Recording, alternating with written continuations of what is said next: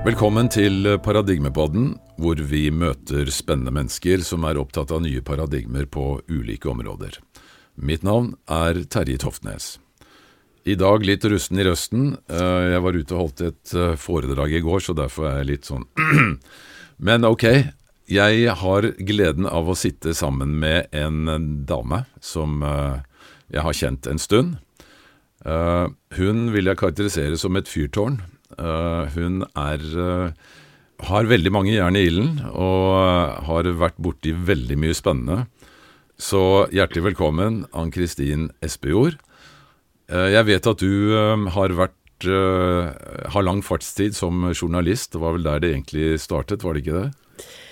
Jo, det var vel, det var vel der det starta, men ja. Det, jeg starta jo som ung journalist i Ullernevis Akersposten og begynte å skrive og ta bilder, og har alltid vært opptatt av, av ordet, da. Ja. Og, og, det å formidle. Så det er vel det som har vært med meg hele veien.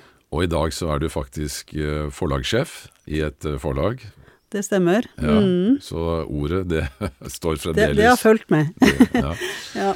Men som, som, nevnt så har du vært opptatt av veldig mange forskjellige ting, og vi har jo truffet hverandre i, i ulike sammenhenger opp igjennom. Mm. Um, det som uh, er grunnen til at jeg har invitert deg hit, da, er jo å få deg til å fortelle litt om, om disse tingene som tenderer inn på, på det, den tematikken som vi er spesielt opptatt her da, i denne podkasten.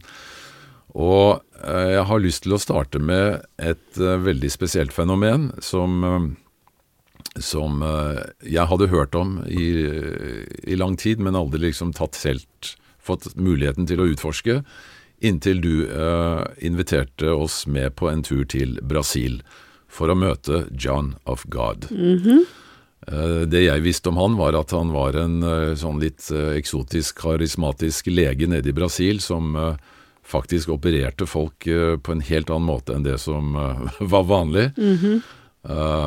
så det gikk jo gjetomord om han ganske lenge. Men det å være med deg dit, det var en veldig spesiell opplevelse. Men kan du fortelle litt? Hvem var egentlig denne figuren? Eller hvem er egentlig denne figuren, John of God? Uh, han, han øh, hadde jo en opplevelse som tenåring øh, hvor han øh, møtte en kvinneskikkelse som, som, spurte om han ville ta på seg den oppgaven å, å hjelpe mennesker. Hile mennesker. Og, og, han sa ja til det, og så huska han ingenting mer før han våkna i et lokale hvor han da fikk beskjed om at han hadde helbreda 150 stykker, eller noe sånt. Oi. Eh, og så reiste han rundt i Brasil eh, og, traff folk, eh, helt til han fikk beskjed om av en annen stor person i Brasil, et medium som heter Chico Xavier, om at han skulle dra til dette stedet, Abajania og, og, og, sette i gang med en klinikk der, da. Mm. Og det gjorde han, og der har han nå holdt på i eh, ca. 50 år, før yes. det ble slutt. Ja. Mm. Og det som eh, Du forteller litt om den spesielle metodikken da, som han, han brukte når det gjaldt, å, å, hjelpe mennesker. Ja, altså Det de fleste av oss kom dit første gangen for, kanskje, det gjaldt iallfall meg, det var, var, at jeg fikk jo sett en film og lest en bok om han hvor det ble påstått at han kunne skjære og kutte og sy, og uten bedøvelse, uten no, noe Eh, altså, det var ikke, ble ikke Det eneste som ble Sårene ble vaska med, var, var, vann fra Bajania der, og, og, og jeg syns det hørtes eh, så spesielt ut, men også veldig spennende, da, så, så jeg, jeg, tok en tur over for å se på dette fenomenet, da. Mm. Og eh, var jo veldig nysgjerrig, og jeg så, jeg så jo flere fysiske operasjoner, og, og så jo at folk var ikke bedøvd, de sto der, sto oppreist og ble skåret i og sydd igjen med, med sytråd, og gikk jo bort og snakka med dem etterpå, når de var ferdig eh, dagen etterpå, når de ikke lå i Altså, de skulle ligge i ro i 24 timer da etterpå, men, men eh, og liksom bare hørte at nei, de hadde ikke kjent noe smerte, og noen En som hadde blitt kutta i magen, trodde hun hadde blitt kutta i brystet. Altså, det var veldig mange rare fortellinger, og Møtte mange leger der, som var der for å, å, å se på dette fenomenet. og og blant annet en amerikansk øyelege som sto og så på, han skrapte jo også øyer eh, med en vanlig tollekniv omtrent, og, og han, han, han, han, John O'God ba jo alltid, spurte jo alltid om det var leger i, i, i rommet der når, når han skulle gjøre disse fysiske operasjonene, og, og ba de komme opp og stå og, og, se på det han gjorde. Og, og de, de, som gjorde det, de, de, sa Jeg hadde også med meg norske leger, og så bare sa at dette her er ut fra vår kunnskap og det vi har lært, så er dette her fysisk umulig. Ja. Mm. ja øh, jeg var, har jo vært så heldig å se det selv med egne mm. øyne. Mm. Og jeg må si at det, eh, det var jo helt øh, Ja, det var en helt hinsides opplevelse, faktisk. Mm. Å, å, sitte og se på at han skar i folk med skalpell. Ja. Uh, uten at det tilsynelatende gjorde vondt. Mm. Og det, det, som også var rart, var at det blødde ikke heller. Nei. Veldig altså Han kunne skjære folk i, i magen, og så mm. så du så liksom, håper si, flesket tøyt ut. Mm. Uh, uten at det blødde, eller skar det i brystet, eller, eller, hvor som helst. Ja. Uh, så det var jo helt opplagt noe veldig rart. Men han, han var jo på en måte et, eller, et transemedium. Han, mm. Dette skjedde. Altså, fortell litt om Altså, han var, jo, han var jo så å si analfabet. Han hadde ingen utdannelse. Hva, hva heter han egentlig? Han heter Joe Texeira de Faria. Ja. Uh -huh. Men han ble kalt for John of God, da? Ja, og det var jo ikke noe han valgte sjøl. Han syntes jo det var Han likte jo ikke det i starten, men han Altså, han det, det, det, var, det, var, jo ikke noe han fant på, men det var jo folk som begynte å kalle ham for det. Mm. Uh, så, så, det var vel kanskje noe som var mer belastende enn en glede for han, tror jeg, å få, få det, navnet. Uh, men, men, i alle fall, han han var, eh, kom fra en veldig fattig familie. Eh, faren var skredder, han måtte jobbe for faren sin fra han var ganske liten. Fikk vel to-tre års skolegang, eh, noe jeg vet han syntes var litt vanskelig. For han kunne Ja, han hadde, han hadde lite utdannelse, så å si ingenting. Så han blei jo skredder, da. Han var jo skredder, begynte jo å, å, å sy sammen med faren sin, og og eh, var også skredder i militæret, sydde uniformer og sånt. Mm. Og så begynte det å skje ting, da, at han, eh, han begynte å, Det begynte å skje healing rundt han, og da eh, blei det så mye oppmerksomhet etter hvert. Altså da, det var da altså han også kunne dra ut og gjøre Altså dra ut i land og, mm. og, og hjelpe folk, da. Men sånn som jeg opplevde han på, på scenen der, så virket det jo som han var ikke helt skal vi si, til stede på den måten at han var i en slags transe. Nei, han var jo alltid i transe. Når han, eh, når han, eh, gjorde jobben sin da, så var han jo alltid i transe. Han inkorporerte, som det heter. Ja. Og mm, altså, jeg har jo stått eh, foran han og sett han skifte øyefarge, f.eks. Eh, fra blått til brunt. Og, og, og det, altså det som han sier sjøl, og det som, som jo er hans altså fenomenet rundt han, da, at, han, at er, han forlater kroppen sin, han husker ingenting, han vet ingenting om det som har foregått, og så, så er det andre som jobber gjennom han da, og det er jo ofte leger som har levd tidligere. Eh, og, og, som jobber gjennom kroppen hans og, og gjør den her eh, jobben, da.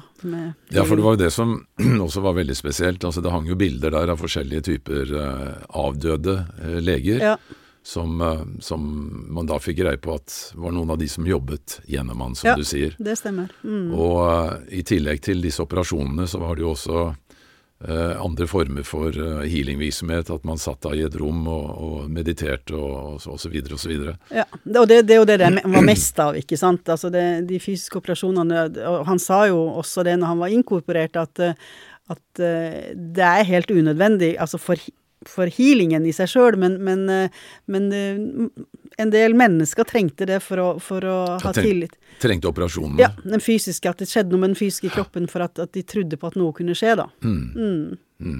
Men uh, det som uh, var jo veldig overraskende når vi kom ned til denne lille landsbyen da, midt mm. inne i tjukkeste Brasil, altså ja. det var jo en lang kjøretur fra fra flyplassen et ja. par timer, tror jeg. Vi ja, reiste innover til denne lille landsbyen Abidjania. Ja. Uh, som da ligger på en sånn høyde. Og det som var spesielt der, i hvert fall som jeg lærte, da, var at det er ekstremt mye krystaller. Ja, det er et uh, krystallplatå. Et krystallplatå. Uh, og Kasan, eller dette stedet, da um, Eh, er jo plassert oppå dette krystallplatået. Sånn, sånn at det, det, Han fikk jo beskjed av dette store, kjente mediet i Brasil, da Chico Xavier, at han skulle dra dit fordi det, had, det var et spesielt sted. Eh, så han, han, han, var jo ikke derfra sjøl. Altså han, han, dro dit et, okay. etter å ha fått en Så det stedet hadde spesielle naturgitte energier, for ja. å si det sånn? Ja. ja. Det er det som er sagt. Mm. Det kom jo altså busslaster med mennesker. Mm. Uh, det var hundrevis av mennesker på denne Kasan, da, dette lille mm. skal vi si, hospitalet, da, eller møtestedet. Ja, de, de, de sier at det er et, altså et, et, sykehus. De kaller det for et åndelig sykehus, da. Ja, Og de mm. serverte gratis suppe til alle som var mm. der. Og ingen betaler for å komme dit eller være der, eller alt. Alt er jo gratis. Men alle måtte gå i hvite klær? Ja. ja. Så det var liksom litt av stilen. Men det var jo Altså, dette tiltrakk seg jo folk fra hele verden. Og eh, det kom jo også, håper jeg å si, kjente mennesker dit. Mm. Uh, Opera Vif, uh, Winfrey var vel der, var ikke det? Plus Hun var der og gjorde opptak, uh, intervju med John O'God blant annet. Ja. Og vi har jo selv McLean har vært der, Paul Simon har vært der, masse politikere. Altså mange, mange kjente mennesker som har vært der og kommet tilbake igjen også. så, så altså de sier mellom 18 og 20 millioner mennesker. Så det er jo noen stykker som har, har vært der, og da er man jo ofte der i noen uker når man først kommer dit. Og du lagde jo også en dokumentarfilm om dette her for en del år tilbake. Det gjorde jeg. Ja. Mm. hvor kan man se den hen? Ja, det var det, da. Den burde jo vært ute på YouTube. Så langt har jeg ikke kommet. Men jeg har fortsatt Jeg, har, jeg fikk jo laga DVD av den, da, så jeg har fortsatt noen, noen DVD-er. Ja.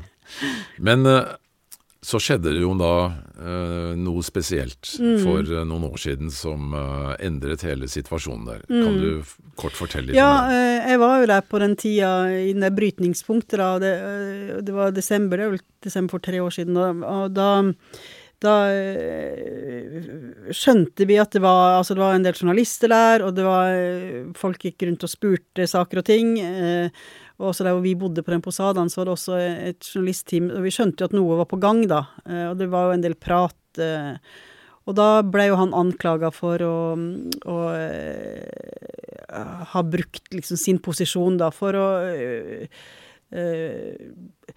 ja, tilnærming til kvinner, og, og, det er vel noen Ja, mener at han, han brukte sin situasjon da som for, for men, å Men det var da altså ikke mens han var i transe, det var Nei. mens han var liksom den vanlige ja. ja. bondesønnen, for å si ja, det sånn. Ja. Mm. ja. Og ok, så det Hva har det ført til nå, da? Nei, altså, han er jo ikke på Kasan lenger. Uh, han får jo ikke lov til å gå dit. Han, han, er, han, uh, han er hjemme med fotlenke. Eh, og, men eh, altså alt, alt, der fortsetter. Det er åpent der. Eh, alt, alt er det, det, er meditasjoner, det er healinger som skjer, det er suppe som serveres. Så alt, alt er sånn som det alltid har vært, bortsett fra at han ikke er der mer.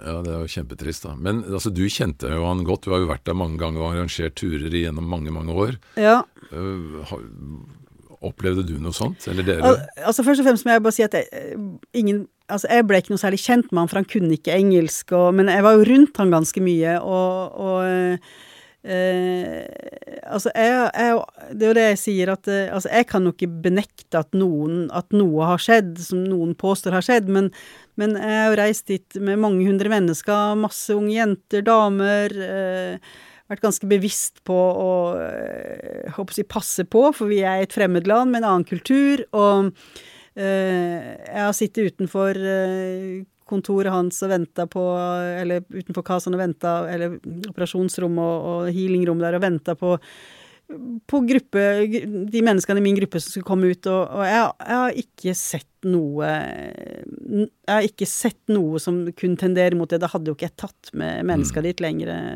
heller. Så eh, jeg har også vært med han i Europa og vært ganske tett på eh, når han har vært eh, rundt på reiser dit, og det Nei, jeg har ikke opplevd noe av det, altså. Men nå er det jo også rykter som sier at uh, dette kan være plantet, eller altså rett og slett en del av en slags uh, kampanje for å stoppe den virksomheten hans. Er det noen som, ha, som, kan ha følt seg truet av det han driver med, som kan ha hatt sånne motiver? Altså, det er klart at, eh, at den evangeliske kirka, for eksempel, da, altså, de, altså det, det, kom jo, det ble jo Han ble jo veldig populær i Brasil. Eh, og det kom jo mennesker fra hele verden, og han, han, altså, han, han ble jo veldig kjent, da.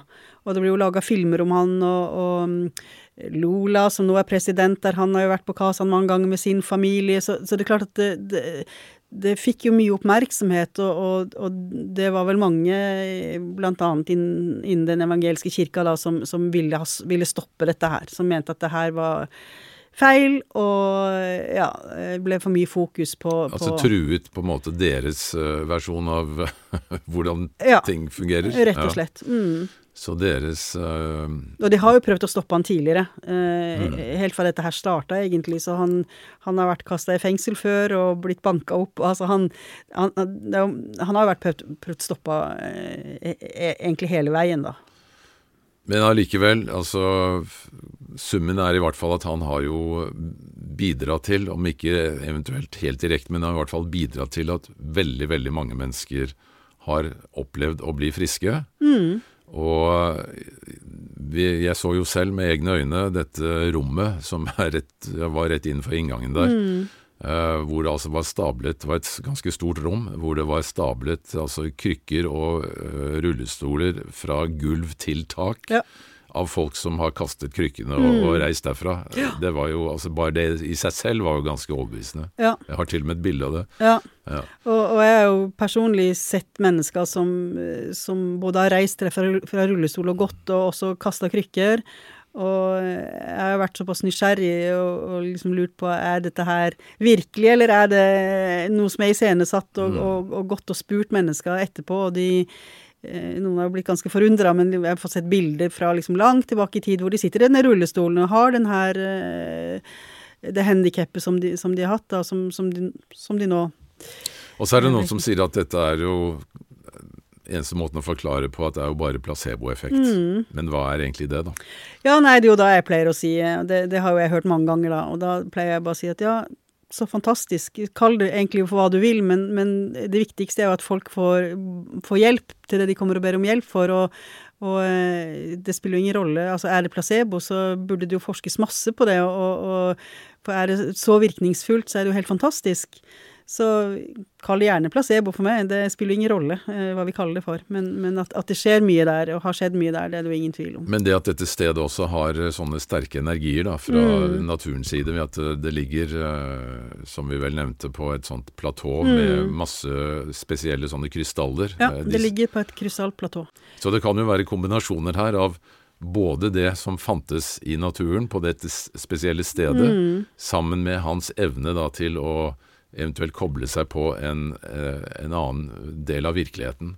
Men, og det også som er interessant, er at han, han, har jo sagt det i mange år, så lenge jeg har vært der i alle fall, at, at uh, altså egentlig så, treng, så trengs ikke han, eh, fordi han er, bare, han er, bare, en kanal, ikke sant. Men, men eh, av en eller annen grunn da, så har det vært nødvendig for så mange å ha en fysisk kropp å forholde seg til. Mm. Eh, men nå er den fysiske kroppen borte, nå er den ikke der lenger. Og, og dette her har han sagt når han har vært inkorporert før han har starta operasjoner og sånn i, i, årevis, at, mm. at det, det, her er snart forbi. Altså, han, han trengs ikke. Ok. Ja, Det er i hvert fall veldig fascinerende, og jeg vil jo anbefale folk å, å se den filmen din. Den, uh, den, sier sitt, for der ser du jo også da disse operasjonene. Da i, ser du, og ja. da forteller også folk hva de opplever uh, under operasjonen, og uh, ja, det som kan se veldig smertefullt ut. De står og sier at de kjente ingenting, ikke sant, og da ser vi at det blir skåret opp og, og fingrer inn, han tar jo fingrene sine inn og tar ut noen saker og ting og syr igjen, og at du da sier at du ikke har noe fysisk følelse av. Det er jo ganske fantastisk. Da. Det er helt utrolig. Ja. Nei, det er helt eh, Det er veldig, veldig spesielt. Ja. Veldig fascinerende. Men du, eh, du har jo også hatt kontakt med en annen uh, spesiell brasilianer. Mm. Nå skal ikke jeg prøve meg på å uttale navnet, det tror jeg jeg skal overlate til deg. Jocelino Nobrega da Luz. Ja. Mm -hmm. Og han er vel kjent for å være en slags spåmann? Kan du fortelle litt om han? Ja, altså, han kaller seg jo sjøl Han sier jo sjøl at han sanddrømmer, da. Eh, og eh, dette her begynte allerede når han var seks år første gangen. Da, da hadde han en drøm og som han ikke klarte å slippe, og det var om en familie i Sa Paulo som bodde på andre sida av byen, og som, som etter noen år fra den drømmen da kom til å bli utsatt for ei ulykke hvis, hvis de ikke fikk endra på den settingen da. Yes. Så han fikk overtalt mora si etter mye om og men. Hun var strengt katolsk, og hun mente jo at dette her, han, dette her var ikke bra. Det han, altså det at han, at han hadde disse her visjonene, disse drømmene, da. Hun mente jo at det, hadde, det, var ikke, det, var ikke, sånn Gud jobba. Så mm. han ble jo også tatt faktisk eh, til kirka, eh, katolske kirka, der han ble jo banka av presten for å banke ut eh, dette her av kroppen hans. Eller. Men i alle fall så klarte han å mase til at hun blei med over dit, og eh, de tok bussen gjennom hele Sa Paulo og blei med over til dette her stedet han mente det bodde, den familien bodde. Og så eh, kom de til dette huset, han visste adressen, han hadde drømt alt, eh, og kom dit, og da var det en familie som bodde der. Og han fortalte da eh, drømmen sin til dem, og at det var noe som skulle skje eh, et par år fram i tid, cirka. Og da eh, lo de litt av han, og sa for at det var, det var, en bilulykke hvor hele familien skulle omkomme, og de hadde ikke bil, og de, altså, de sa at det her, det her, det her er bare Altså, mm. ba, barns fantasi, ikke sant. Men disse her årene gikk, og de kom til den datoen, og da hadde de fått skaffa seg bil, og den familien omkom i den trafikkulykka akkurat på den brua, og akkurat på den dagen han hadde drømt, da. Og sånn starta det hele. Yes, yes, ja. yes. så Altså, da vi eh, traff han, når han var i Norge her, ja. så um, Så må jeg si at jeg ble veldig Ja. Uh, nesten litt sånn sjokka over spesielt den historien han hadde med hvor han hadde hatt en spådom om det forferdelige som skjedde da på Utøya i 2011. Mm. Hvor han uh, flere år i forveien hadde spådd hva som kom til å skje, mm. og til og med da kontaktet norske myndigheter for å varsle. Fortell litt mer. Ja, altså, det, det, var jo litt sånn jeg kom borti han fordi eh, en venn av meg i Brasil da, som, som eh, viste meg kopi av, av brev da, som, som, som handla om Norge, da. Mm. Og, og um, Altså, det var flere ting, men da var det den, eh, den 22. juli-saken som var den store, det største, da.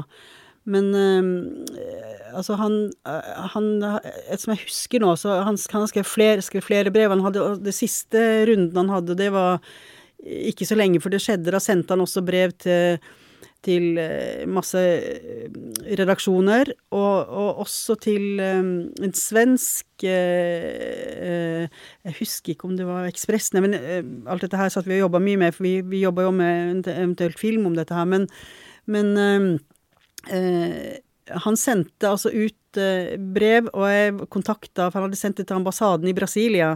Mm. Og jeg har fått, fikk bekrefta at de hadde mottatt Altså det, at de hadde Den signaturen som var på den mottagelsen, fordi alt var rekommandert, mm. det stemte. Han jobba der og sånt, men de ville jo ikke si noe mer om den saken, da. Men um, det som Jeg ble veldig Jeg ble først litt ikke si sint, men altså, den her tuller du ikke med. Altså mm. her, Det var en stor tragedie i Norge, og, og eh, Men hva var det han beskrev, da? nei, Han beskrev jo helt eksakt at det, det skulle gå ei bombe i senteret av Oslo.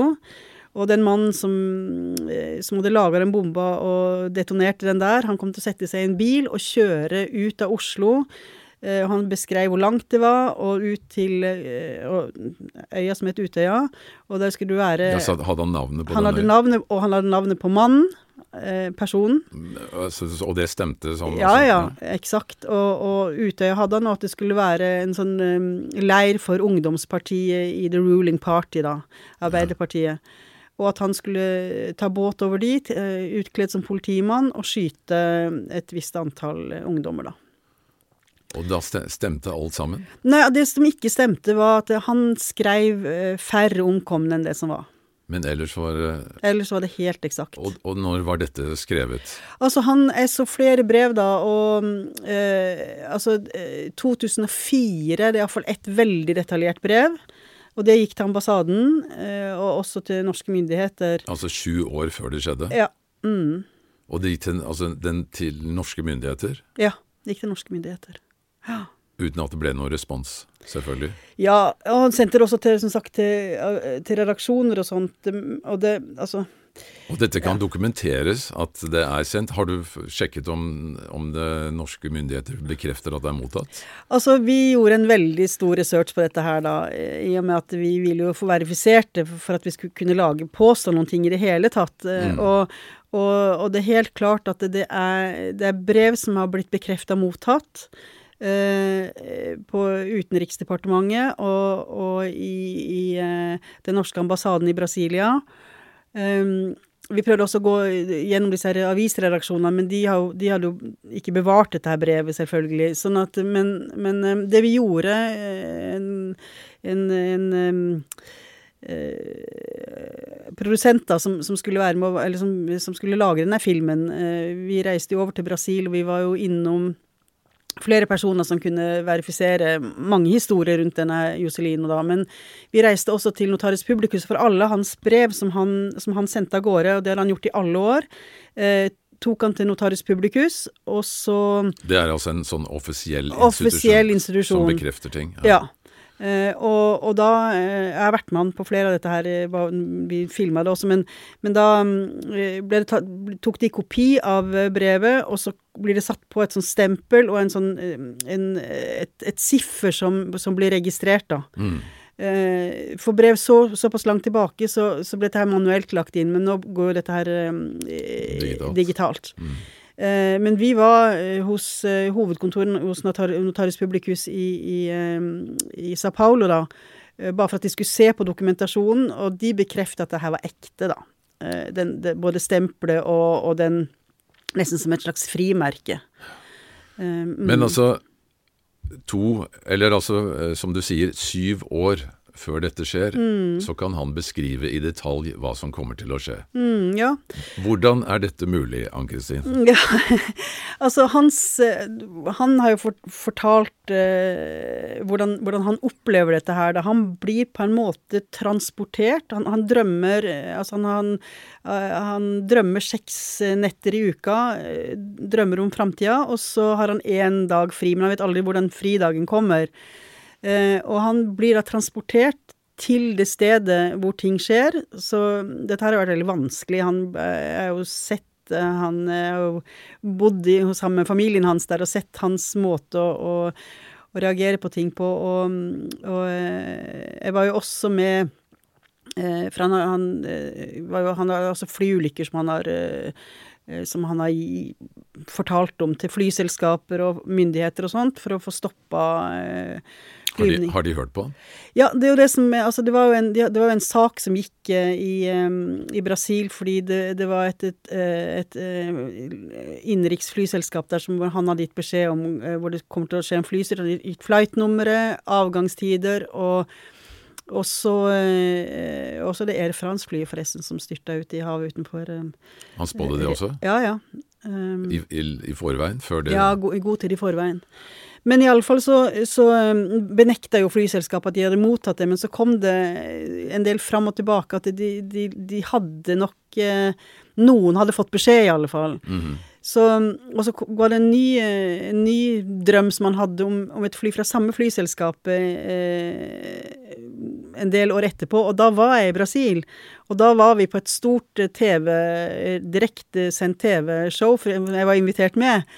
Og, og da satt satt vi og venta i studio på hva flyselskapet kom til å gjøre, for det, det, det skulle styrte inn en bydel som het Evangelista nede i, i Sa Paulo.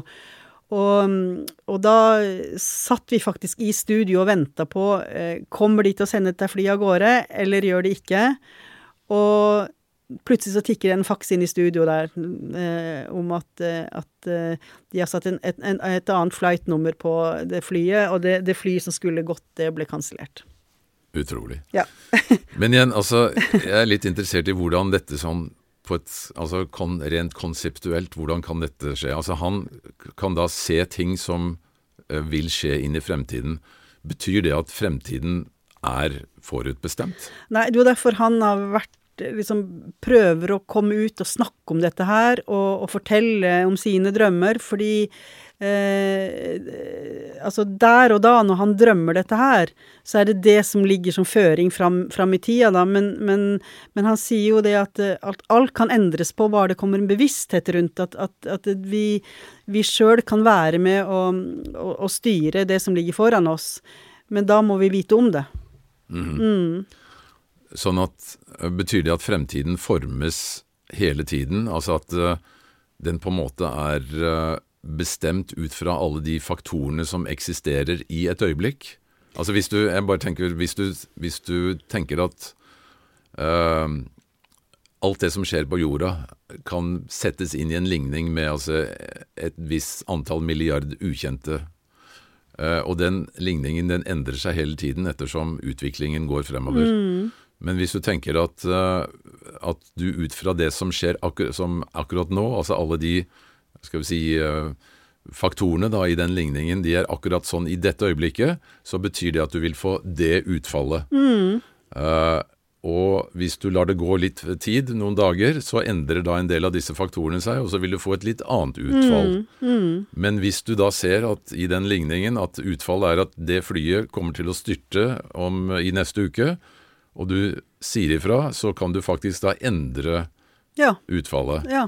Altså, å, Er det en logisk måte å tenke det på? At, eh, at eh, rett og slett fremtiden bestemmes hele tiden ut fra det som skjer akkurat nå, i dette øyeblikket? Ja, det virker jo sånn for meg. Eh, absolutt. Og, og eh, ja, det, det, det, er vel der vi står med vår forståelse av, av hva vi er. Uh, det er jo det, at, vi faktisk, at vi faktisk er med å, å legge premissene og hva som skal skje framover. Uh, det ligger noen faktorer der. Det kan bli sånn, eller det kan bli sånn, men, men vi faktisk er med å styre. Ja, for det ja. ja.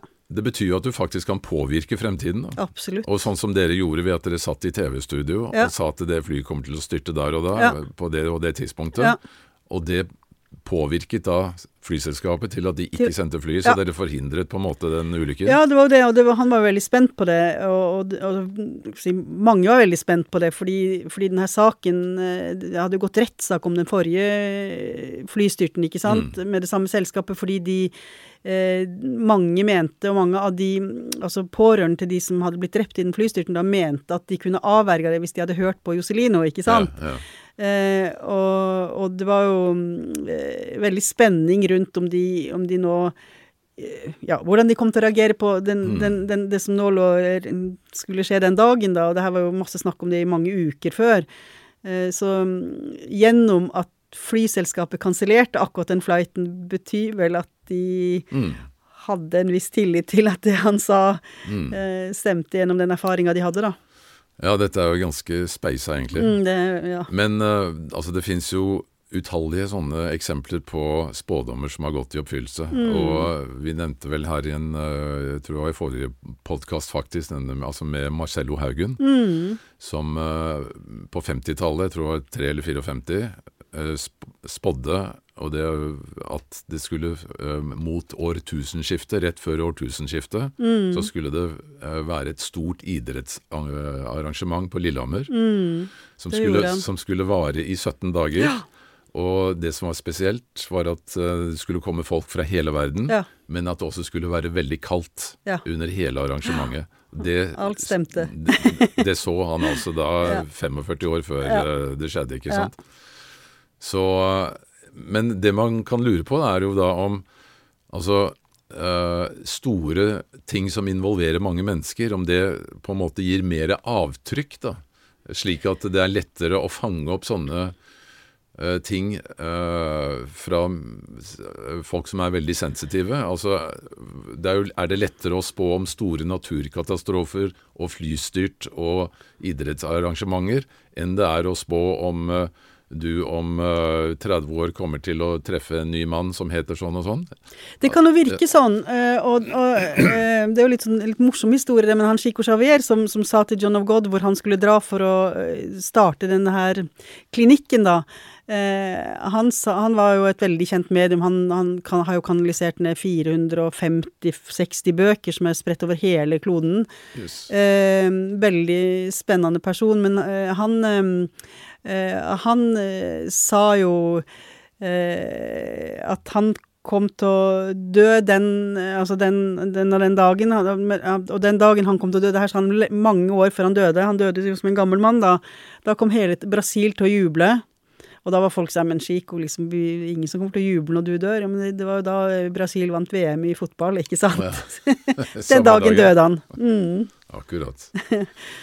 Så det kan jo se at det ser ut som det stemmer litt, det du sier, at det er, det er store begivenheter, mange mennesker, masse energi, som, som møtes, så, så, er det lettere, sånn som Marcello da, lettere å, å, hente det opp på en måte. Ja. Men det var jo en spesiell ting han uh, nevnte da han var her i Norge, uh, og det var at han spådde at det skulle kom en stor flodbølge innover Oslofjorden. Mm. Eh, fordi at eh, denne vulkanen nede på en av, mm. en av, øyene i, eh, på Kanariøyene ja. Eh, skulle nærmest eksplodere, ja. slik at eh, altså flere mil med landskap skulle rase ut i havet. Mm. Og lage en flodbølge som var altså flere hundre meter høy. Ja. Og den skulle treffe Norge åtte timer etterpå, etter at den mm. hadde feid over hele oppover. Hele Europa, ja. Mm. Og over til USA. Over til USA, østkysten. Mm. Eh, og jeg må si det at eh, når vi satt sammen med han, mm. og etter at han hadde vist disse papirene med, altså med Anders Breiviks og spådommen om mm. han, og han kom med den spådommen der, ja. så eh, Ja, vi Jeg må si det at jeg begynte å tenke litt, mm. og noe av det første jeg gjorde, var at uh, jeg tenkte hvis noe sånt noe skjer, mm. og vi er nødt til å flykte herfra veldig fort, mm. så skal i hvert fall jeg sørge for at jeg har nok drivstoff. Så jeg tror jeg gikk og fylte opp 100 liter med diesel og alt sto klar i garasjen. Mm. mm. Fordi hvis det hadde kommet en sånn flodbølge ja. innover Oslofjorden, så det første som skjer, var at all elektrisitet ville forsvinne. Alt Ville forsvinne ja. I, ikke bare ukevis, men kanskje månedsvis. Ja. Og de som klarte å komme seg unna, da, uh, ville ha store altså Det ville jo bli en stor, akutt mangel på det meste. Ja. Så det er klart at folk begynner å tenke på hamstring med en gang, og jeg må innrømme at jeg faktisk gjorde det. Mm. Uh, og så tok ut noen kontanter av banken. Mm. Og dette skulle jo da skje på en Jeg husker det var en, en eller annen dag ja det, var, ja, det var to uker kunne, det skulle skje på Det var november uh, 2015, var det ikke ja, det? Ja, det var 22. november eller ja, noe sånt. Ja. Uh, ja.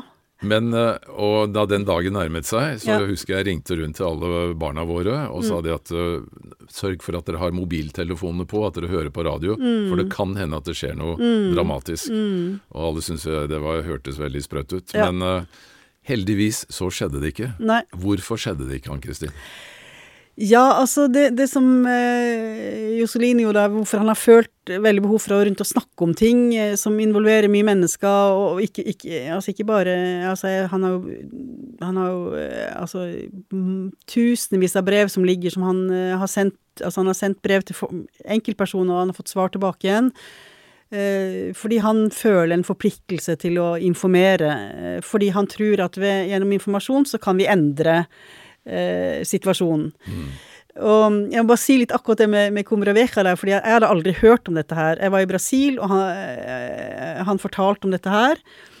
Og så eh, Med en gang jeg kom hjem, så ringte jeg til broren min, som, eh, som er geolog, og spurte har du hørt om Combraveja. Og, og han sa ja, men det har jo Altså, alle kjenner jo til dette her. Og eh, jeg kom hjem på ettermiddagen, og så slår jeg på eh, National Geographic på TV, bare for å liksom eh, Jeg har reist langt og, og skulle bare sitte og slappe av. Og da kommer det en stor stor dokumentar om akkurat Combrevieja, hvor, hvor det har vært forskere som eh, snakker om dette her. Og Joselino sa, hadde sagt i sin prediction da at, eh, at det kom til å bli en bølge som ble en 400-500 meter høy. Men, men disse her geologene som hadde jobba på det, og de, de, den har jo vært overvåka av mange land, da. Mm. Altså det, bare for å, det er altså en av disse mindre øyene ja, mm. hvor det er en svær vulkan. Ja. Og som står under et voldsomt trykk. Så et veldig trykk, ja. ja. ja. Så man tror at på et eller annet tidspunkt så eksploderer sånn, altså som en trykkoker, og så revner hele øya. ja, og så raser den ned i sjøen, da. Og disse forskerne gikk så langt som å si at, at eh, som de kunne se det ut fra den, den, landmassen og den kraften dette her ville ha, så ville det bli en bølge som å forlate denne øya, eh, Palma som den heter. Mm. Eh, den kan bli opptil 1000 meter høy og gå med en hastighet til alle kanter som en jumbojet. Oh. Så det er jo litt et scenario, ikke sant. Og, og dette her, den, altså Det her blir jo faktisk overvåka. Eh, men nå har jo noen deler av den, den øya her har jo da ramla ut i sjøen uten at det var det, det Allerede? Ja, det, har, det, skjedde jo for, vel for et par år siden hvor det, hvor det deler har, har ramla ut, da. Okay. Eh, for det ble, ble, en veldig aktivitet der, og, og eh, Men det at, at, denne spådommen hans da ikke gikk i oppfyllelse, mm. hvordan for, forklares det? Altså, det, det, som han forklarer det med, at han, han har liksom reist rundt til mange land og, og lagt ut masse beskjeder om, om, at dette her kan skje. Mm. At han har drømt at det skjer. Og da mener jo han da at da blir det eh, mye oppmerksomhet. Folk eh, kan tenke, meditere, tenke på det. Tenke hva kan vi gjøre for at det, altså, for å, at ikke det skal bli en katastrofe. Altså Eh, og at, at, det blir lagt en bevissthet på det som gjør at, at, det faktisk endrer hele situasjonen. Og det var det han sa, at han ville jo ikke reise rundt og skremme folk, men han ville ha en bevissthet at folk eh, skjønte at det her var noe som, som, som mm. kunne komme. Men hvis du skal liksom koke dette ned til eh, en slags sånn hverdagsforståelse, så betyr det jo det at det vi tenker og det vi gjør, faktisk er, kan påvirke fremtiden. Ja, absolutt. Og spesielt da kollektivt. Hvis ja. vi, og det, altså det, er jo egentlig veldig logisk, da. Men, ja. men, eh, men, kanskje enda mer viktig enn det vi faktisk eh, aner. Altså at vi hver eneste dag er med på å påvirke utviklingen av fremtiden. Ja. Uh, Skape fremtida på en måte, ja. og, det, og det er jo det som kanskje er viktig nå.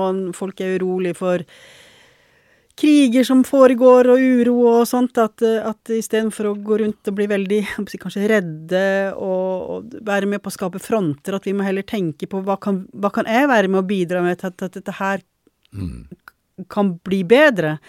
Eh, så jeg tror at vi må hente tilbake vår altså, for forståelsen av at bevisstheten vår og den måten vi tenker på, den måten vi handler på, har, har noe å si. I høyeste grad. Ja. Og det, det, gir jo også egentlig livet mye mer mening. Ja, da blir det jo mye Altså Ifølge naturvitenskapen så er meningen med livet at vi skal uh, spise, trygge oss og reprodusere. Mm. Altså Vi skal sørge for at vi eh, lever lenge nok til at vi kan reprodusere, og ja. utover det så har livet egentlig ingen annen mening. Nei. Uh, da blir det ganske meningsløst. Sier natur, altså det, ja, men altså dette ja. er vitenskapen sånn som den presenteres ja, av både altså biologer og, ja. og så videre. Og det, det, altså jeg mener jo at det er årsaken til at vi også ser en slags grådighetskultur i verden. Mm. Fordi at du skal uh, først og fremst trygge og sørge for deg selv. Mm. Gjerne på andres bekostning. Ja. Og derfor så er liksom denne konkurransementaliteten, at vi skal liksom uh, gjerne forsyne oss av ting så godt vi kan. Uh, og gjerne ta landet til naboen hvis det passer oss. Ja. Uh, eller skal vi si, ta markedsandeler fra den andre bedriften over gata, mm. slik at vi kan tjene mer. Ja. Og, de, og, at de da går konkurs, det er ikke vårt problem, Nei. liksom. Uh, altså For å bruke noen uh, veldig ja, dumme eksempler. Men, ja. men dette hvis du, hvis, hvis du, ser på det, det andre perspektivet, da, at vi faktisk er med på å skape fremtiden hele tiden med måten vi tenker og handler på, og uh, så gir det en, en helt annen type mening. Mm. Altså en helt annen type verdi. Og oppfører vi oss da som empatiske, omsorgsfulle, kjærlighetsfulle mennesker, så kan vi dra verden i den retningen. Mm. Hvis vi oppfører oss som grådige egoister, eh, så drar vi verden i den retningen. Ja. Og det er jo det vi ser, ikke sant. At, at fordi vi, vi, ikke har eh, så mye kontakt med altså, det, det, det åndelige oss. Altså, det, vi, altså, vi, ser bare det rent fysiske, ikke mm. sant. Mm. og, og, og og leve etter, som du sier, at jo mer jeg kan klare å karre til meg, jo mer jeg kan få for meg og mine. Mm. Så det er ikke så farlig med de andre, men, men vi skjønner jo at eh, det er jo, ikke, det er jo ikke sånn verden utvikler seg i en god retning, da. Mm. Og vi ser resultatet på det hver eneste dag. Sånn at, eh, at, eh, at ja, at ikke vi snart begynner å forstå at, at, at, det er noe som er mye større, og mye At vi faktisk har medansvar både for oss sjøl og, og, hverandre. Mm. Um, vi må vel også da komme til en slags forståelse at uh, vi faktisk tilhører en enhet. Mm. at vi eh, Altså i og med at vi påvirker hele systemet, da, Mm. og hverandre med alt det vi gjør og tenker, så betyr jo at vi er en del av en enhet. Mm. Selv om vi er individualiserte skal vi si, små øyer av bevissthet i bevissthetens store hav, for å bruke et Mm. Ja, sånt det uttrykk. er jo et, et fint bilde. så, så, har vi, eh, så er vi allikevel del av en enhet, og det an- vil jo egentlig ansvarliggjøre oss på en helt annen måte. Ja, og så vil jo alt få en helt annen mening, ikke sant? Ja. Eh, og ja. Men uh, disse fenomenene som vi har snakket om, da, både John of God og han uh, Joselino, som da kan uh, fange opp signaler fra en potensiell fremtid, gitt at den utvikler seg eh, ut fra de parameterne som eksisterer i øyeblikket, så betyr det jo at eh, virkeligheten også er ekstremt mye større enn en det vi eh, ser da gjennom våre rent materialistiske briller. Men du, du, du har jo du har jo vært også med på eh, mange andre spennende ting. Eh, og eh, du har jo blant annet oversatt en ganske eh, tjukk bok eh, som er skrevet av eh, Alan Kardec, som heter 'Åndenes bok'. Ja. Hvor han Ja, altså det er jo en bok om hele åndeverden, da.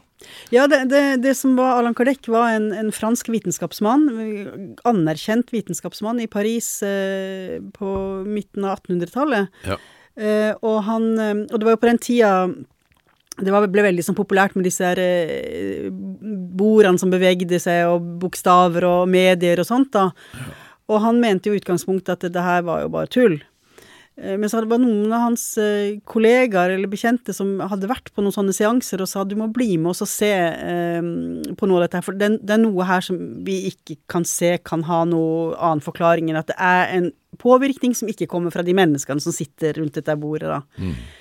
Og han lot seg overtale og blei med på noen sånne seanser, og, og fikk liksom tillatelse til å sjekke under bordet, over bordet og rundt bordet og være med. Og, og blei så interessert, for det var også et, et par søstre der som eh, Jenter, faktisk, som, som eh, kanaliserte ned mye budskap, da. Og da, da eh, begynte han å forske på dette her, rett og slett. Så det var jo den, den tidas forskning. Han, han, eh, eh, han skrev ned tus, 1019 spørsmål da, eh, som et forskningsprosjekt, og, og sendte det ut til medier, til åndelige Altså folk som, ja, som var kjente rundt i hele verden. 1019 spørsmål. 1019 spørsmål. Var det noe spesielt med akkurat det tallet, eller bare ble det Nei, det sånn? blei liksom? sånn, og det, liksom, det, det gjelder liksom alle, altså alt som handler om det å være menneske. Okay. Og, og så eh, kom disse her eh, svarene tilbake igjen, da.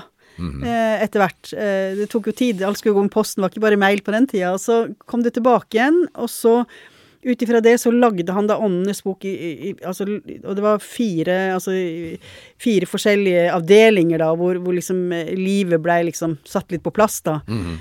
Og så opplevde han det at, eh, at eh, de spørsmålene han hadde, sendt ut, da, han fikk samme svar uansett hvilken kultur, hvilken religion, hvor det kom fra, så fikk han samme svar fra åndeverden, da. Ja. Og ut fra det så ble det jo Åndenes bok, da. Og, og, så så det, det er egentlig på den tida en, en vitenskapelig dokumentasjon da på hans forskning. Han fikk jo masse trøbbel selvfølgelig med miljøet sitt, han mista jo jobben sin og, og eh, fikk et ganske vanskelig liv da. Bøkene hans ble brent, og, men han fortsatte det Han har jo skrevet fire til bøker da som han har fått kanalisert ned, da. Men Ok. eh, Åndenes bok er liksom Bibelen.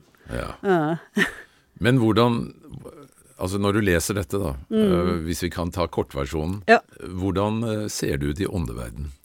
Nei, det er jo det som er veldig spennende, syns jeg, da, at, at eh, når du leser Åndenes bok, så, så får du bekrefte akkurat det vi sitter og snakker om, at vi er vi er, altså vi er ansvarlige åndevesener som lever i en fysisk kropp, og vi er alle forbundet med hverandre. Alle har vi en påvirkning på, på hva som skjer med oss og, og, og våre omgivelser.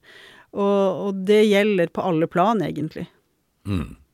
Men, eh, men altså det at vi Altså i åndeverden, da, Mm. fortsetter vi å leve der med samme personligheten som vi har her på jorda? Ja, altså det som blir fortalt eh, gjennom Åndenes bok, det at, at vi, vi går jo over, og da da eh, blir vi jo litt overraska eh, hvis du ikke har en veldig bevissthet rundt det å dø, da, og du har en, en altså, har, altså Som tibetanske buddhister, for eksempel, de forbereder seg jo veldig på det med døden, og i mange kulturer så gjør vi jo det. Eh, nå gjør vi jo ikke det i vår kultur, eh, så, så du liksom du må på en måte skjønne at du lever sjøl om du ikke er i den fysiske tilværelsen lenger, og da, når du har skjønt det, så kan du begynne å jobbe på det du har det du har erfart i dette her livet, da, og, og, og, se hvilke konsekvenser er ting jeg har gjort og ikke gjort.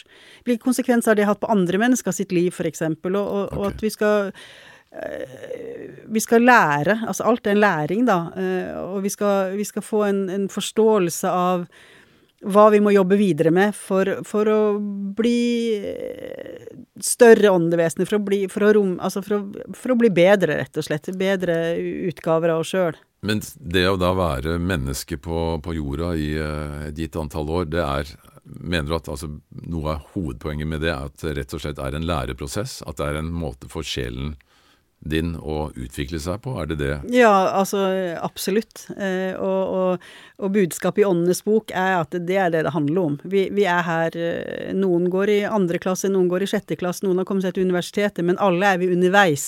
Hmm. Og, og, det å være her, det er en læringsprosess. Det, det, det er for å erfare og, og, lære, rett og slett. Ja.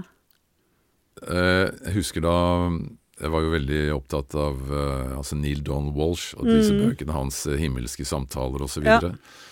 og uh, han hadde jo en sånn Han sa at hvis jeg var Gud mm. og skulle lære om meg selv, mm. altså ved at jeg i utgangspunktet var alt som er, ja. så, og jeg hadde en nysgjerrighet på å lære om meg selv, hvem jeg egentlig var, så er det jo klart at det da å dele seg opp i eh, milliarder av fragmenter, mm. og gi hvert fragment fri vilje til å, eh, å, gjøre egne erfaringer, men å skape da en, en, eh, en, verden, en slags materiell verden, som hadde dualitet i seg, mm. slik at uh, alle ting hadde et motstykke. Ja. Uh, så kan det utspille seg en utrolig uh, altså rekke interessante dramaer mm. som da inneholder et veldig stort lærepotensial. Ja.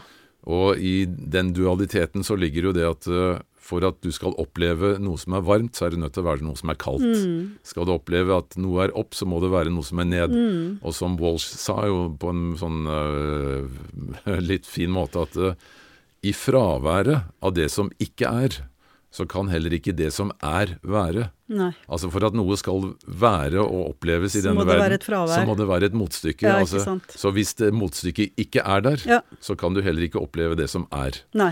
Så sånn forklarte han det som han kalte the, um, the realm of the relative. Ja.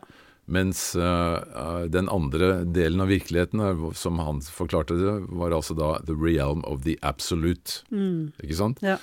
Uh, sånn at denne, som han, ifølge han igjen, da, denne konstruksjonen da med jordkloden, eller sikkert også på mange andre planeter i, i vårt enorme univers, så er det rett og slett altså en slags opplevelsespark. Mm. Som du kan dra til. Ja. Og hvis du vil utvikle eh, ditt sjelepotensial, ja. så kan du dra ned i en kropp her og være her i 80-90-100 år mm. og gå gjennom alle disse uh, utrolige dramaene, mm. som er, inneholder et vanvittig læringspotensial. Ja. Både ut fra gode erfaringer og, og vonde erfaringer. Ja. Så det er jo en, egentlig en utrolig genial konstruksjon, Veldig. hvis du ser det på den måten. Ja, ja, ja.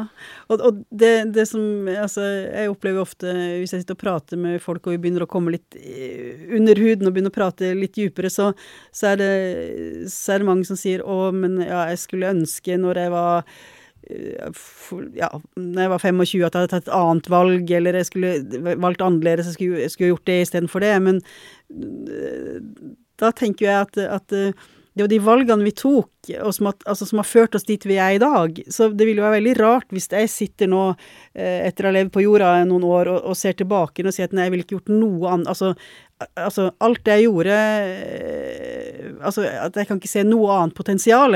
For det betyr jo at da har ikke jeg utvikla meg noen ting i disse årene, mm. ikke sant. Men, men, men, men, det er klart at hadde Sitter du som 60-åring og ser tilbake og, og ser ja, men 20, hvis jeg hadde vært 20 år igjen i dag, så hadde jeg kanskje gjort noe annet. Men, men det er jo erfaringa vår som har tatt oss dit vi, er, dit vi har kommet. Det er det som former oss. Ja. Det er det som former oss, så vi skal være takknemlige for alle erfaringer. Og ikke, ja. ikke drive og klassifisere så veldig hva har vært bra og vært dårlig. Alt, alt har vært, og alt har tatt oss dit vi har kommet i dag. Mm.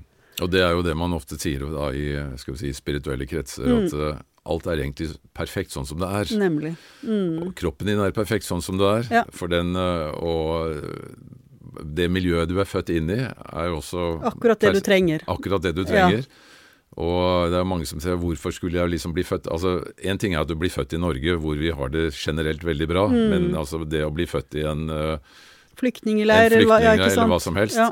hvor det er ekstremt vanskelig levekår. Ja. det virker jo som nesten en slags straff, og det er jo derfor mange tolker det som at det er sånn karma, altså det er en straff for at du har begått en urett uh, i et annet liv, liksom. Men ja. Og, og, en, men, og, enda verre da, tenker jeg, hvis, fordi nå snakker jo vi ut ifra at vi lever mange liv, ikke sant, men, men, for de som sier at vi lever bare ett fysisk liv, mm. og hvis Altså, hvor fins rettferdigheten, hvor fins eh, en, en, kjærlig og omsorgsfull Gud hvis, hvis en blir satt eh, til livet sitt i Blir født i en, en krigssone, mm. f.eks., og, og har det veldig vanskelig og blir drept som fem-seksåring mot en som lever i 90 år i Norge eller et annet mm. Eh, velstandsland, da. Mm. Og hvis det er det ene livet vi har, mm Altså, hva det, det, blir jo helt meningsløst. Men så er det også, da, du kan også snu det på hodet og si at uh, ok, de som da lever på Gazastripen, mm.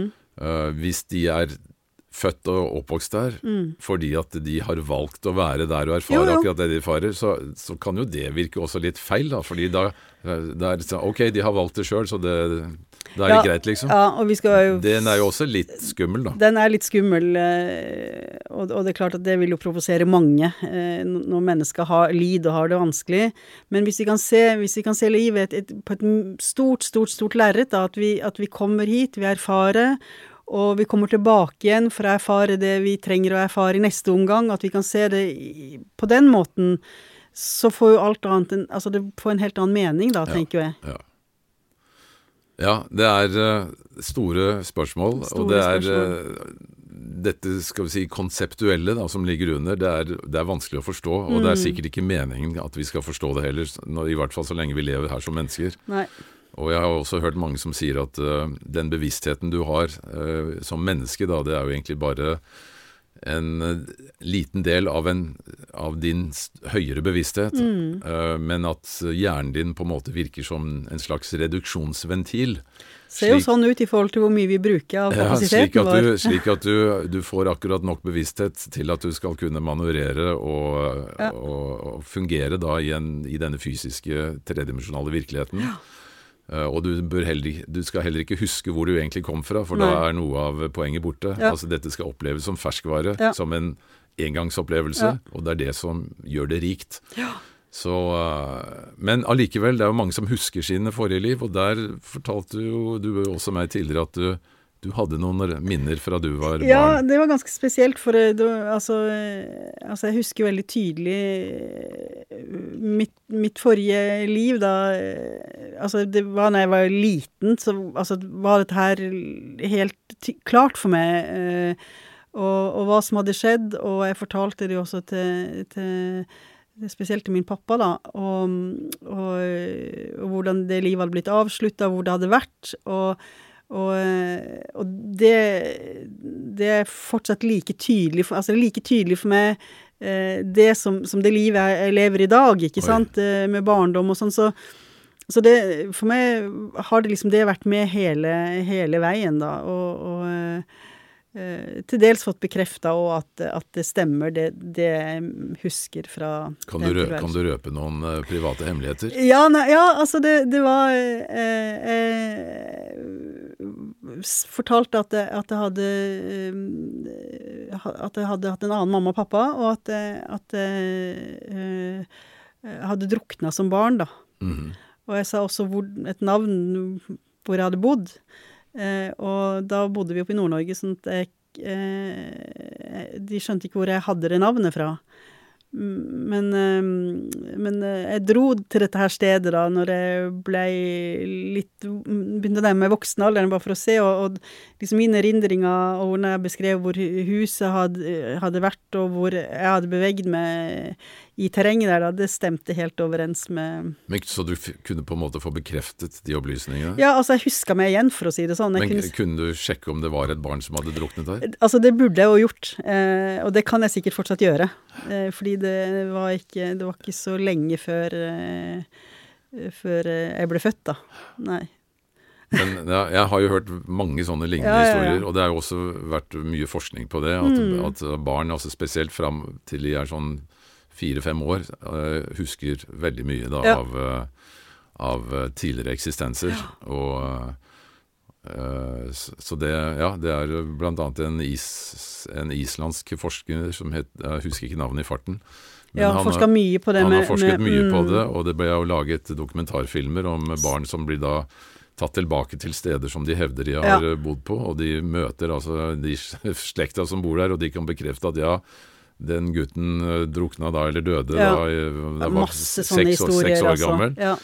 Og ja, det er masse sånne historier. Shantidevi i India er jo kjent, en bok som ja. heter Shantidevi. Altså, hun kunne jo gå tilbake igjen og vite altså, hva som lå bak veggen. Altså, hun eh, jo visste jo alt om det forrige livet sitt som hun kunne mm. beskrive. Mm. Så hennes, den familien som levde der, som hadde mista henne, da, var jo ikke i tvil om at, at det var mm.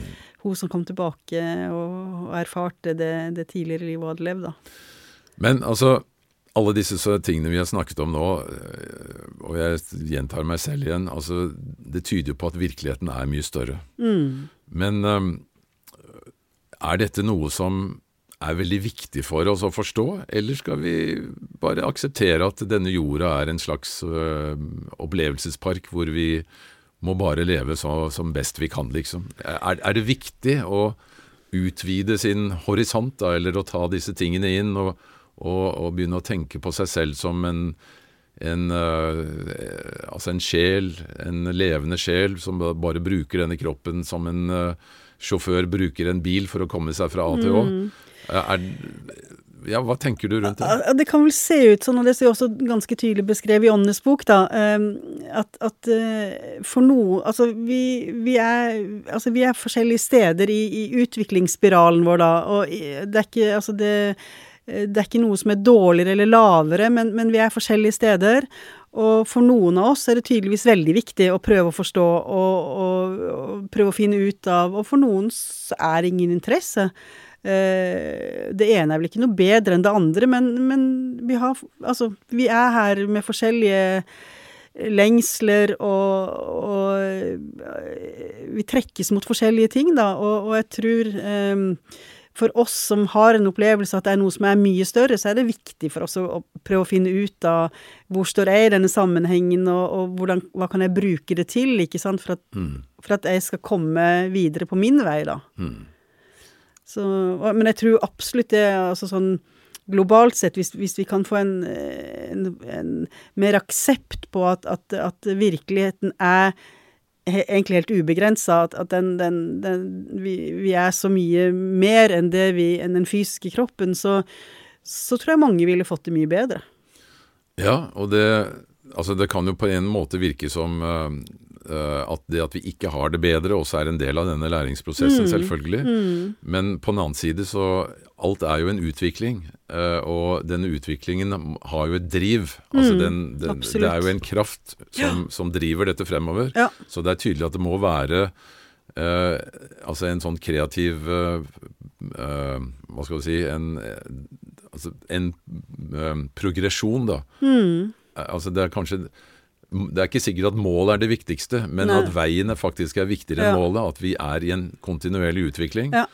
Eh, som vi også da kan påvirke både individuelt og kollektivt. Ja, derfor så vet du heller ikke målet, ikke sant. Fordi, ikke sant? fordi veien blir til uh, underveis. Ja. og, og Eh, kanskje målet i dag er dit, men så i morgen så er det ja. eh, en litt annen retning. Så, men, men, det å være Se at vi, vi har ja, vi har veldig stor påvirkningskraft mm. eh, i våre egne, også i egne liv, men også i andres på mange måter. Det tror jeg er viktig å, Jeg syns i hvert fall at uh, det gjør livet utrolig mye mer interessant når du ser på det på den måten. Ja, absolutt. Og uh, i min erfaring også så er det mye lettere å møte motgang og vonde opplevelser hvis, ja. du, hvis, du, tenker at dette er en del av min læringsprosess, ja. istedenfor at du gjør deg selv til et offer og tenker at uh, hvorfor skal det alltid skje meg, stakkars ja, meg. Ikke ja. Så det, er klart at det, det gir jo en, en, helt annen mulighet uh, i livet, og, og, og, og det å bare Ja, det, som sier at det her, er en, det her er en del av min skole, min skolegang. Eh, mm. Eh, og, noen fag er vanskeligere enn andre. Mm. Men det er nå i den her, her, her, i løpet jeg står nå, da, det, at, og at kanskje mer akseptere og respektere seg sjøl mm. ut ifra de erfaringene vi tydeligvis må få, da. Men det betyr jo ikke at det må være kriger og brutalitet som skal uh, råde i et sånt omfang som det gjør på denne jorda. Uh, altså, Livet kan sikkert være like interessant og lærerikt selv om vi legger bort disse ekstremt brutale tingene som vi har holdt på med altfor lenge. Jo, men ikke sant, hvis vi har, hvis, jeg tenker jo sånn at hvis, hvis, vi, hvis vi får en forståelse av at vi alle er en del av et hele, Eh, da kan vi jo ikke krige mot hverandre lenger. Nei, altså Da er liksom vitsen faller bort, på en måte. Fullstendig, for da finnes det ingen landegrenser, egentlig. Altså, det, altså, vi er alle en del av, av helheten, mm. og da, da, blir det jo helt latterlig å drive og, og Altså mm vi, ja, det, det er, det, da blir jo dette her det vi gjør mot andre, de gjør jo mot oss sjøl, ikke sant. Og da, og da, blir det helt meningsløst å, å drive og skyte hverandre mm. eller skade hverandre eller Det var jo som ja. han sa, var jo så heldig å prate med han eh, tidligere NASA-astronauten Edgar Mitchell. Ja.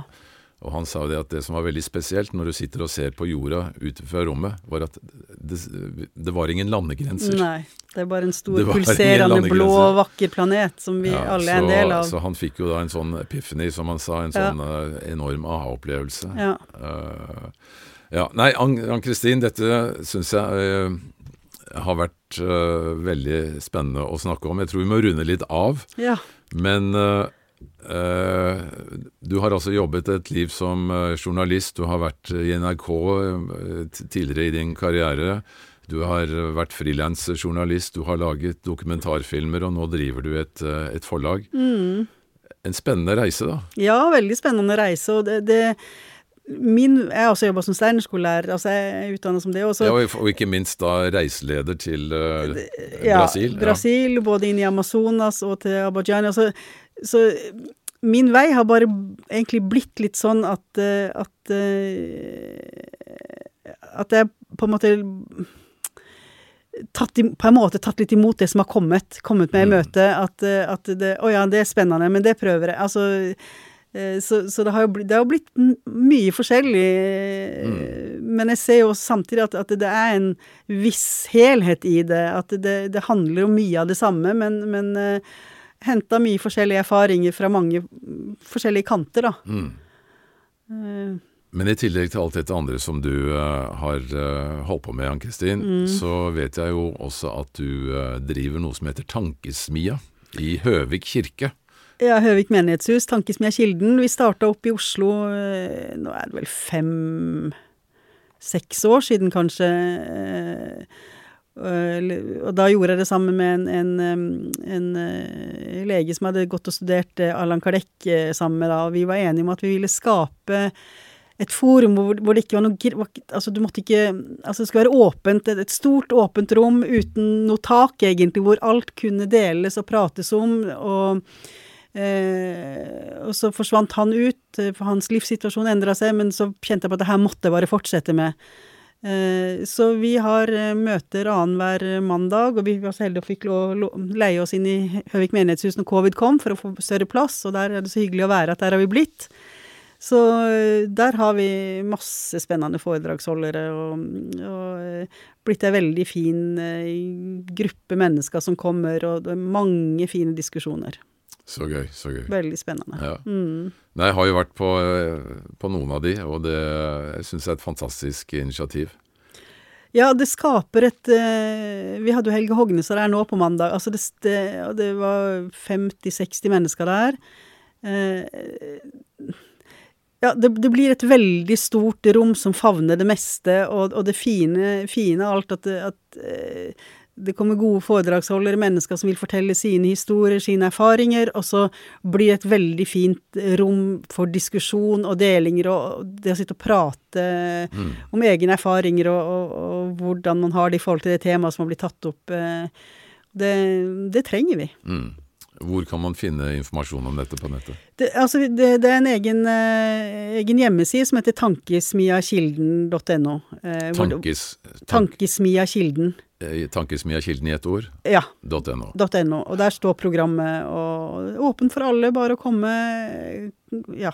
Så det, det, er et, det, er et, åpent rom for alle, og vi prøver å ha så stort mangfold i foredragsholdere at det spenner over eh, alt det vi går og tenker på og, og, og funderer over i livet. Ja. Veldig, veldig bra. Er, ja. det, er, det, spennende å leve?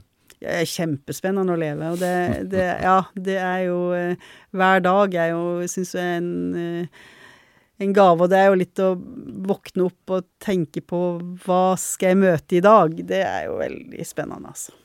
Mm. Ann-Kristin, tusen, tusen takk. Takk skal du ha. Dette var veldig gøy. Det var det. Ja, da sier vi tusen, tusen takk til eh, Ann-Kristin Espejord. Da gjenstår det bare å minne om vårt vips nummer som er 524005, 524005, og tusen hjertelig takk til dere som vil støtte oss, og takk til alle som også har gjort det. Så, da sier jeg bare som jeg pleier, hjertelig velkommen tilbake neste uke til en ny episode av Paradigmepodden.